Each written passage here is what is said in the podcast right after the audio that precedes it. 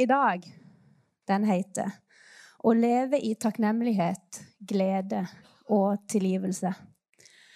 Og Forrige gang når jeg talte her, det er ca. en måned siden, så talte jeg om det å løfte et halleluja midt i vanskelige situasjoner. Altså det at selv når ting er tøft, så kan vi faktisk få lov å tale ut hvem Jesus er. Det betyr ikke at de tingene som skjer, eller de tingene vi står i, er noe mindre vondt. Det er jo ikke det det handler om. Men det handler om at vi kan få lov til å snakke ut hvem Jesus er, midt oppi det som er vanskelig. I 1. Tessaloniker 5, 14-18 så står det Nå formaner vi dere, søsken, til å advare dem som er ustyrlige, trøste de motløse, hjelpe de svake og være tålmodige med alle. Se til at ingen gjengjelder ondt med ondt mot noen, men jag alltid etter det som er godt, både for dere selv og for alle. Gled dere alltid, be uten opphold, takk under alle forhold, for dette er Guds vilje for dere i Kristus Jesus. Når det står 'formaner', så tenker jeg det er jo ikke et ord som vi kanskje bruker så mye, men det betyr egentlig bare at nå snakker Paulus tydelig til dem. Han sier 'dette må dere gjøre'. Og så slutter han med 'for dette er Guds vilje for dere i Kristus Jesus'. Og så tenkte jeg på det når jeg leste den teksten. Jeg har jo lest den mange ganger. Og noen ganger så leser man gjerne gjennom noe, så tenker man ja, det er jo klart. Men så kjente jeg på hvor utfordrende det er. For det er ikke lett det, å være tålmodig med alle, f.eks. Det er ikke lett å ikke gjengjelde ondt med ondt. Altså, dette er litt sånn det, det, er litt vanskelig. Men så tenkte jeg på det, det er jo ikke der det begynner. For det begynner ikke med at jeg skal få til noe. Det begynner ikke med at jeg skal gjøre noe med min egen kraft, men det begynner med at han har lagt sin kjærlighet ned i oss, og at det er på grunn av han vi kan få lov til å leve sånn og være tålmodige med alle. For eksempel. Og da står det Ja, og de Paulus skriver til, de har jo møtt Jesus. Så det er ikke sånn at han forventer at de skal gjøre dette ut ifra seg sjøl. Men han forventer at fordi de lever i relasjon til Jesus, så kan de leve sånn. Så står det i Romerne 5.5.: For håpet gjør ikke til skamme, for Guds kjærlighet er utøst i våre hjerter ved Den hellige ånd som blir gitt oss. Det er der det begynner med at han allerede, når man har tatt imot Jesus, så har han allerede utøst sin kjærlighet i våre hjerter. Så derfor er det utgangspunktet. At vi lever med hans kraft på innsida, med hans kjærlighet på innsida. At vi lever i relasjon med han. Så disse versene er ikke sånn sånn og sånn og sånn skal du gjøre. Men det handler om når du lever i relasjon med Jesus, så det er dette som er Guds vilje for deg. Så første punkt Vær tålmodig med alle. Ikke gjengjeld ondt med ondt, men jag etter det gode. For meg så handler dette om mange ting. Men det første jeg tenker på her, det er overbærenhet og raushet og tilgivelse. Hva vil det si å være raus med noen? Jo, det vil si at man har et rom for at det er lov å feile. Man har et rom for at ikke alt er perfekt hele tida. Å være på en arbeidsplass Jeg er så heldig at jeg jobber på LKG. Å være på en arbeidsplass, og Hvis du gjør en feil, så er det ikke sånn 'Hvorfor gjorde du det?' Men det er mer 'Ja, men dette klarer vi sammen'. Eller hvis du har bomma på noe 'Ja, men du, dette ordner vi opp i'. Det er liksom ikke sånn at du blir trykka ned. Det å være raus, det å være overbæren. Men så tror jeg òg det handler om at vi ikke Ikke bare det at vi jager etter å være gode mot hverandre, men at vi jager etter å se det gode i hverandre. Ikke se etter feilene. For det er så lett i hvert fall ser jeg litt sånn sjøl at jeg kanskje ser fort negative detaljer, f.eks. hjemme. ikke sant? Hvis et bilde henger skeivt, så er det det jeg ser. Det er ikke bildet eller hvor fint det er. Men vi har litt lett for å henge oss opp i det som vi på en måte irriterer oss over. Men det å ikke se begrensninger hos hverandre eller hos, hos oss sjøl, men å lete etter det som er bak begrensningene, lete etter perler hos mennesket og så er det dette ordet tilgivelse, da, som man egentlig ikke har lyst til å snakke om, nesten. Fordi at det er et sånt ord som har blitt så skummelt. Og hvorfor har det blitt så skummelt? Jo, fordi at man setter likhetstegn med at hvis jeg tilgir noen, så mener at det de gjorde, var greit. Det jo, altså det her, Når jeg jobber på skole, så er det jo det ungene sier. Ja, men det var jo ikke greit, det han gjorde. Nei, det var jo ikke det. Men man kan få lov til å akseptere en unnskyldning allikevel. Eller man kan få lov å tilgi. For det er ikke likhetstegn mellom å tilgi og akseptere at noe var rett når det egentlig var galt. Du fritar ikke noen fra ansvar fordi om du tilgir dem. F.eks. hvis jeg gjør noe galt mot deg, og det kan være en kan ha gjort noe forferdelig, så fritar det ikke meg fra ansvar, selv om du på innsida av deg tilgir meg. Jeg har gjort, noe, altså gjort like gale ting for det om. Men det handler om hva som skjer på innsida av deg. Og det handler om at du setter deg sjøl fri. Ikke den andre. Den andre den har fortsatt gjort det gale. Og så er det jo noen ganger hvor disse tingene som er blitt gjort, er så alvorlige at de til og med er straffbare. Og, er ikke, og, da er det jo spesielt vanskelig å snakke om tilgivelse, for da krever det en ganske lang prosess. Men så tror jeg at det er så viktig at vi tar den prosessen. Jeg har måttet tilgi mange opp igjennom, og mange av de tingene som jeg har måttet tilgi for meg sjøl, ikke for den andre personen, men for meg sjøl, det har vært straffbart for den andre personen. Det har vært ting som egentlig var så alvorlige at jeg i mange år tenkte men det kommer jeg aldri til å tilgi. Og det var en prosess. Det var en, ikke en prosess på et halvt år eller et år, men på noen av disse tingene så tok det flere år. Men når jeg endelig kom til det punktet at jeg kunne kjenne at ja, så var jeg fri. Da var jeg ikke lenger bonden til det som var så negativt. Det betyr ikke at jeg ikke var der. Det betyr heller ikke at ikke det var vondt. Men han var på en måte fri. I andre tilfeller så kan det faktisk være sånn at man kan være skuffa. Eh, eller man kan føle seg urettferdig behandla pga. ting som den andre ikke engang vet at de har gjort. Og så går vi rundt, og så Jeg har gjort det mange ganger sjøl. Går man rundt, og så er man irritert, og så blir man på en måte litt sånn bitter òg, kanskje. Etter hvert.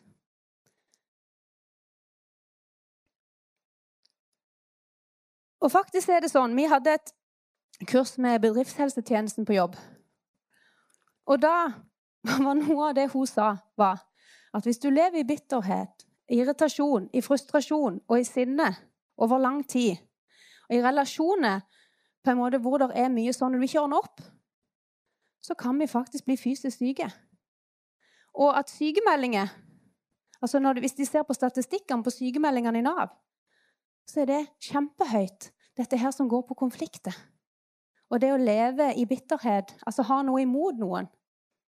Så tenker jeg oi, det er jo ganske alvorlig. Hvis det at jeg kan jobbe med meg sjøl og tilgi Det betyr igjen ikke at den andre ikke har gjort noe galt. Men hvis jeg kan jobbe med meg sjøl og sette meg sjøl fri, så vil jeg jo absolutt det framfor å kjenne på fysiske symptomer. Og så kan det òg være at jeg har såra noen. Og da er det jo jeg som må gå og ordne opp i det. Hvis jeg vet at jeg har såra noen eller skuffa noen, så bør jo jeg ta tak i det. Men Paulus snakker mye om dette. Han sier òg i Efeserne 4, 31-32.: La bitterhet, vrede, sinne, skrik og ond tale være langt fra dere, sammen med all ondskap. Vær gode mot hverandre, vær barmhjertige og tilgi hverandre slik Gud har tilgitt dere i Kristus. Så står det i Kolosserne Derfor må dere som Guds utvalgte, hellige og elskede ikle dere inderlig barmhjertighet, godhet, ydmykhet, mildhet og tålmodighet, så dere bærer over med hverandre og tilgir hverandre hvis en skulle ha noe å bebreide en annen for. Slik Kristus tilga dere, skal også dere tilgi. Men det å tilgi, det er et valg. For jeg, jeg, trodde lenge at det var en sånn følelse jeg måtte få. Altså nå. At det var en sånn At det skulle bare komme over meg, liksom. Men det er faktisk et valg. Jeg kom aldri der at den følelsen var der. Men jeg måtte velge å ta det skrittet og si OK, dette er veldig vanskelig. Men jeg velger å tilgi.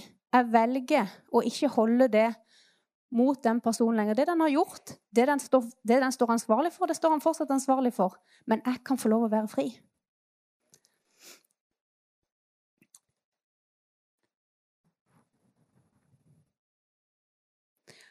Og så er det sånn vi trenger tre, på en måte på tre områder. Vi trenger å motta tilgivelsen fra Gud. Vi trenger å forstå at han har tilgitt oss alt. Det er liksom det første. For det er jo der det begynner. Det er jo med at han tilga oss. At vi kan få lov å tilgi hverandre, som er nummer to. Men den tredje, og kanskje den vanskeligste, at vi må leve i tilgivelse til oss sjøl. Jeg tror vi er vår største kritiker, de fleste av oss i hvert fall. Hvis jeg står her nå og får sagt noe dumt, så kan det godt være at jeg går ned etterpå og så tenker Å, dritt òg. Hvorfor sa jeg det? Ikke sant? Så begynner tankene å spinne. Og hva skjer da? Jo, da, da skjer det noe med meg, med min opplevelse av meg sjøl. Ikke sant? Og det å leve i tilgivelse til seg sjøl, overbærenhet til seg sjøl, og akseptere at en har lov til å gjøre feil, at en har lov til å si dumme ting av og til, at en har lov til å ikke alltid prestere perfekt, det er kjempeviktig. Jeg har snakka med ganske mange Nå er jo litt sånn psykoterapeut på si, så jeg har snakka med mange mennesker opp igjennom de siste 15 årene. Og mange av dem har opplevd tøffe ting. Skikkelig tøffe ting og de har gjerne kommet til det punktet at de har tilgitt den personen som har gjort noe. Men så sitter de igjen med at de klarer ikke å tilgi seg sjøl. Og de føler seg så låst, bom fast. Hvorfor det? Jo, fordi at man kan ikke klandre seg sjøl for at man kom opp i den situasjonen man sto i. Kanskje fordi man klandrer seg sjøl for at man ikke sa noe tidligere. Det kan være mange ting. Men det å tilgi seg sjøl, er kjempeviktig for at vi skal få lov til å gå videre og komme på en måte Sette oss sjøl fri.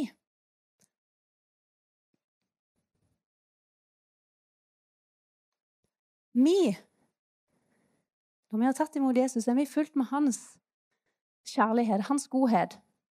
Og da er det naturlig for oss, selv om det er vanskelig, å ikke møte ondt med ondt. Altså, jeg er sikker på at de fleste av oss her inne har tenkt noen hevntanker en gang imellom. Hvis ikke, så må dere komme til meg, for da vil jeg gjerne lære hvordan det går an, og aldri ha en tanke om at nå skulle jeg ha ikke sant? Men poenget er jo at fordi man har Jesus på innsida, hans kjærlighet på innsida, så kan man få lov til å se forbi det. Og så kan man lov til å gjøre det motsatte. Og istedenfor å gjengjelde ondt med ondt, så kan man gjøre sånn som Jesus sier i Matteus 5,38-39. Dere har hørt det sagt altså dette, Jesus sier som, hvordan det var i Det gamle testamentet. Øye for øye og tann for tann. Men jeg sier dere, stå ikke imot et ondt menneske. Om noen slår deg på det høyre skinnet, ham skal du vende det andre skinnet til. Dette er jo å gå enda lenger enn det Paulus går. Ikke sant? Og det, og det er kanskje for å statuere et poeng. ikke sant? Man skal ikke hevne seg, men man skal møte med godhet.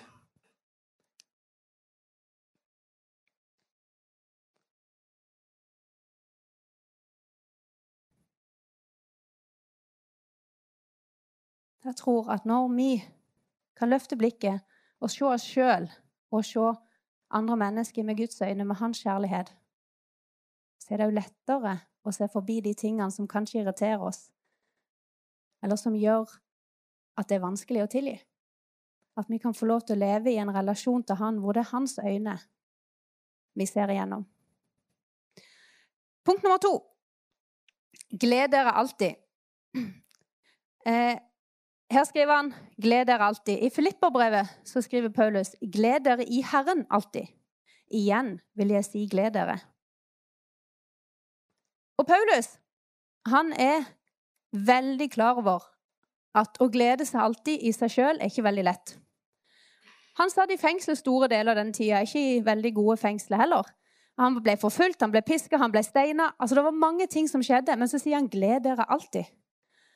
Men det er jo fordi at det handler ikke om vår menneskelige glede, som kanskje kommer når du får en gave, eller som kommer når du får en ny jobb, eller som kommer når det skjer noe positivt rundt deg.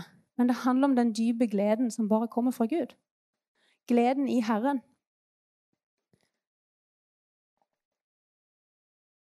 Og det å kunne glede seg selv om ting er tøft. Det er vanskelig. Men det er jo fordi at vi tenker på en menneskelig måte. Men når vi har blikket på Han, at det er av Han, av relasjonen til Han, at vi kan få lov å glede oss av det Han har gjort, glede oss over at vi er satt fri, glede oss over at vi har livet med Han. Når vi setter det i et annet perspektiv, at ikke det handler om det som skjer her på jorda, men at det handler om det som går lenger. At det er hans glede. Det er en dypere glede. Og Noen ganger så kan ikke vi miste den gleden litt. Det har jeg gjort mange ganger.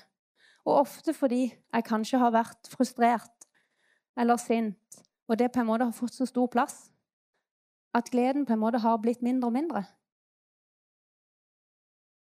Og så er det ikke alltid man merker det sjøl, men det er kanskje noen rundt oss som merker det. Og da er det godt å ha gode folk rundt seg som sier du, hva er det som skjer akkurat nå? Hva er, det, hva er det som foregår akkurat nå? Så kan man få lov til å justere seg og vende blikket opp igjen på, på Han som er det viktigste, og ikke på gjerne omstendighetene som gjør at vi er frustrert og irritert. For det er jo Han som er gleden. Så står det 'be uten opphold'. Eh, og det kan jo høres veldig slitsomt ut. Og skal vi liksom be hele dagen? Det er jo det Paulus sier. Men hva er bønn? For hvis bønn handler om at jeg skal gå rundt og prate og be hele tida, enten på norsk eller i tunge eller på et annet språk, eller hva det måtte være, så er det ganske mange ting som ikke vil fungere. Det ville vært merkelig å gå på butikken. Det ville vært eh, merkelig å være på jobb. Det er ikke sikkert jobben min hadde fungert. Jeg tror ikke det. Hvis jeg skulle ha gått rundt og prata hele tida. Men det er jo ikke det det er snakk om. For bønn er ikke at jeg prater. Bønn er en dialog, det er en relasjon med Gud. Det handler om å leve i relasjon til Han. Å være åpen for å lytte til Han. Ikke nødvendigvis å si så mange ord sjøl, men på en måte være kobla på. Det er litt sånn som pusten. Jeg tenker jo ikke over at jeg puster, men jeg må puste for å leve. Tenk hvis vi skulle gå rundt og tenke på at vi skulle puste hele tida. Men jeg tror det Paulus snakker om, er litt sånn som pusten. At det er en naturlig del av livet fordi vi lever i relasjon til Han. Og bønn har veldig mange aspekter. Men det jeg ønsker bare å gripe tak i, siden vi snakker om tilgivelse og sånn, det er at bønn forandrer oss.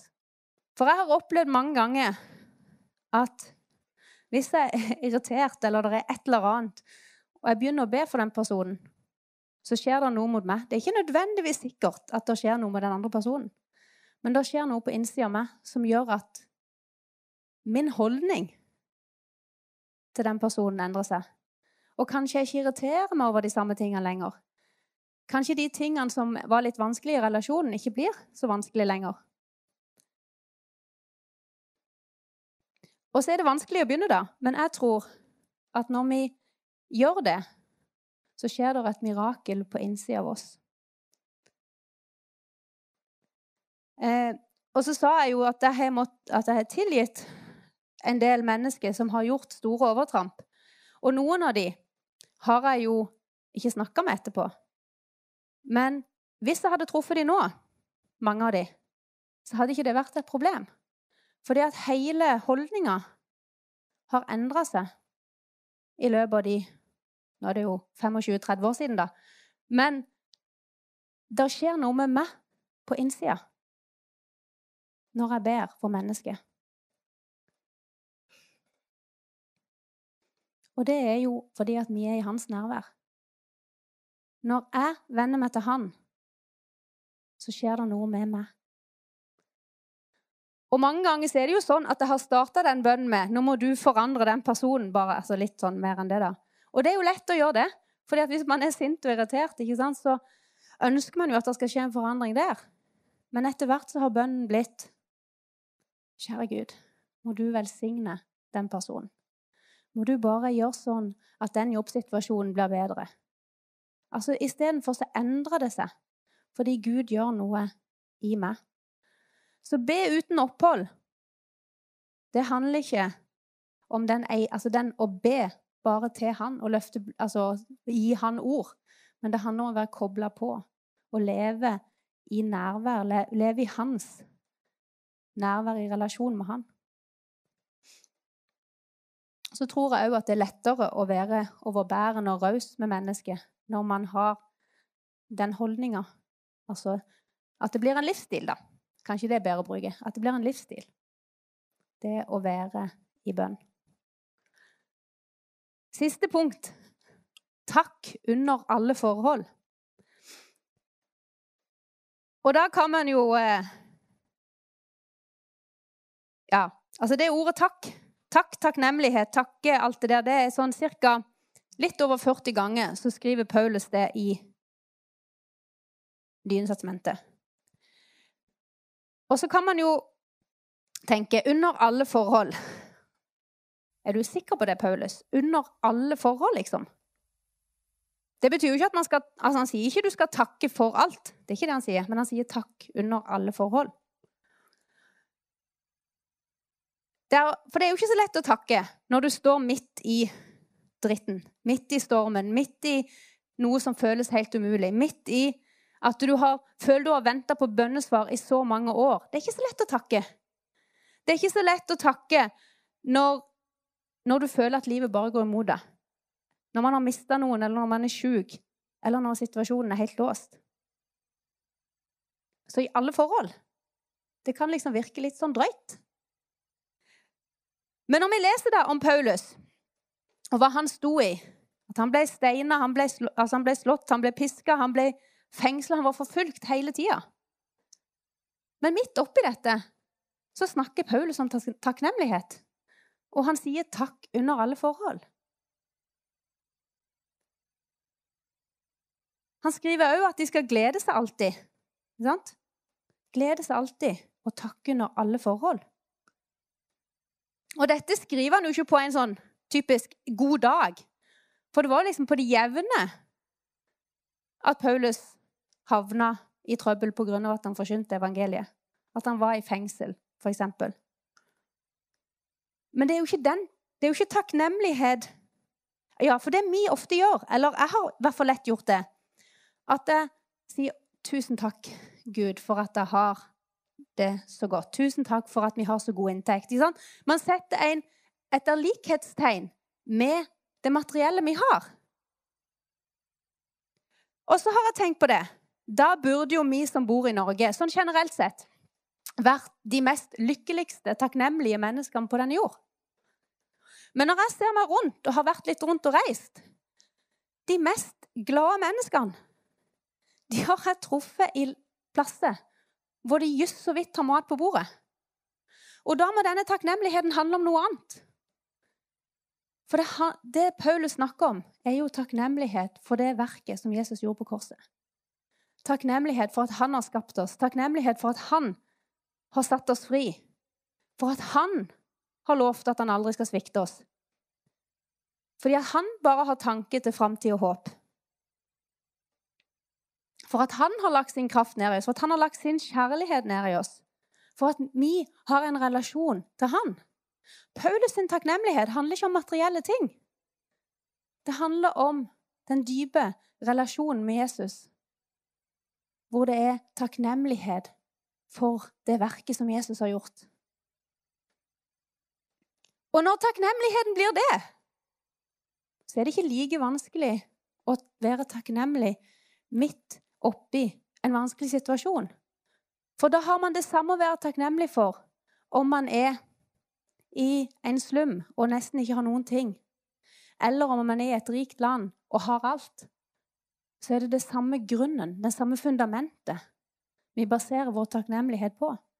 Det betyr selvfølgelig ikke at vi ikke skal være takknemlige for det vi har i tillegg til det. For det kan vi være. Det er jo fantastisk. Men det handler om at hvis det er det vi baserer vår takknemlighet på, så vil jo det forsvinne. Altså, det, det faller vekk.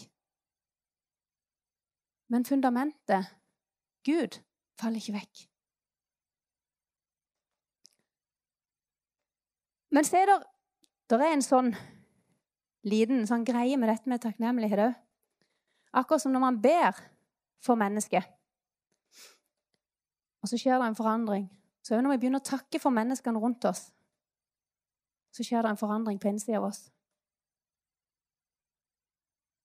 Så jeg vil oppfordre deg til, og oppfordre meg sjøl til, at hvis det er noen, f.eks. noen arbeidskollegaer eller noen rundt deg, som du kjenner her er det noen gnisninger, begynn å takke Gud for dem.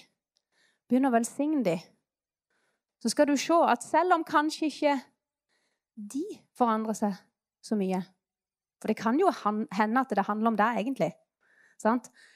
Så kan det skje en forandring på innsida av deg.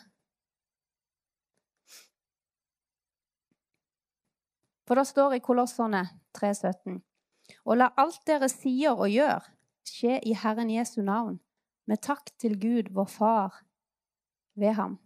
Og Paulus han beskriver her at vi lever et liv i tilgivelse og overbærenhet. At vi jager etter det gode for alle. At vi alltid gleder oss. Og at vi ber uten opphold eller lever i relasjon til Han og at vi er takknemlige under alle forhold. Og så til slutt så sier han dette er Guds vilje for dere i Kristus Jesus. Hvor mange ganger òg Sikkert flere enn meg som har gjort det med bedt bønnen La din vilje skje, Gud. Så her står det dette er Guds vilje for dere i Kristus Jesus. Tenk Hvis vi begynner der, da. Sant? Begynner med å ta de ordene fra Paulus til oss. Vi begynner å spille litt, spent. Nå vet ikke jeg hva du bærer på. Jeg vet ikke hva du, hvordan, hva du kom med på møtet i dag. Jeg har ikke peiling. For det er det bare du som vet. Det er bare du som vet hvor du er i livet med Gud, hvor du er henne denne søndagen. Men kanskje noe av det som jeg har snakka om, har truffet deg.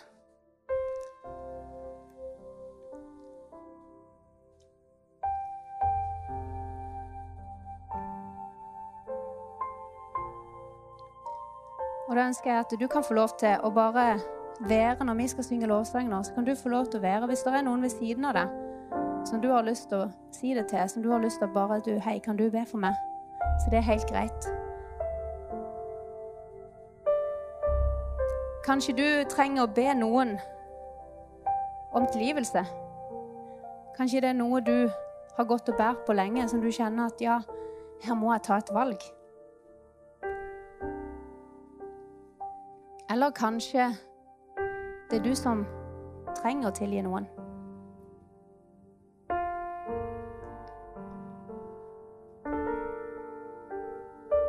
Eller kanskje du føler du har mista gleden.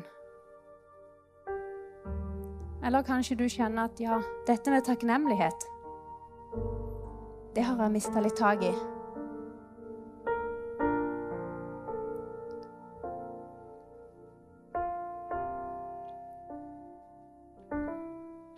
Uansett hva det er, så er Gud her for deg.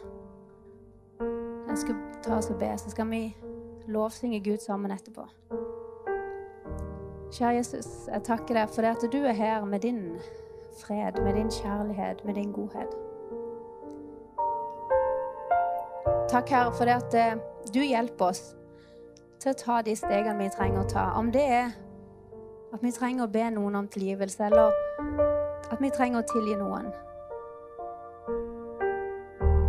Eller om det handler om at vi trenger å få et nytt fokus i vår takknemlighet.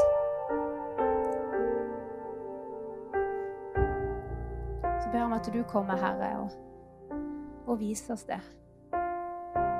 Takk for du ser enhver situasjon som er representert her inne. Og takk, Herre, for du er i stand til å gjøre langt mer enn det vi ber om eller forstår.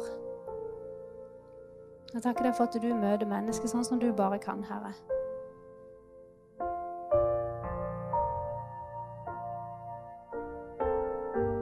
Jesu navn.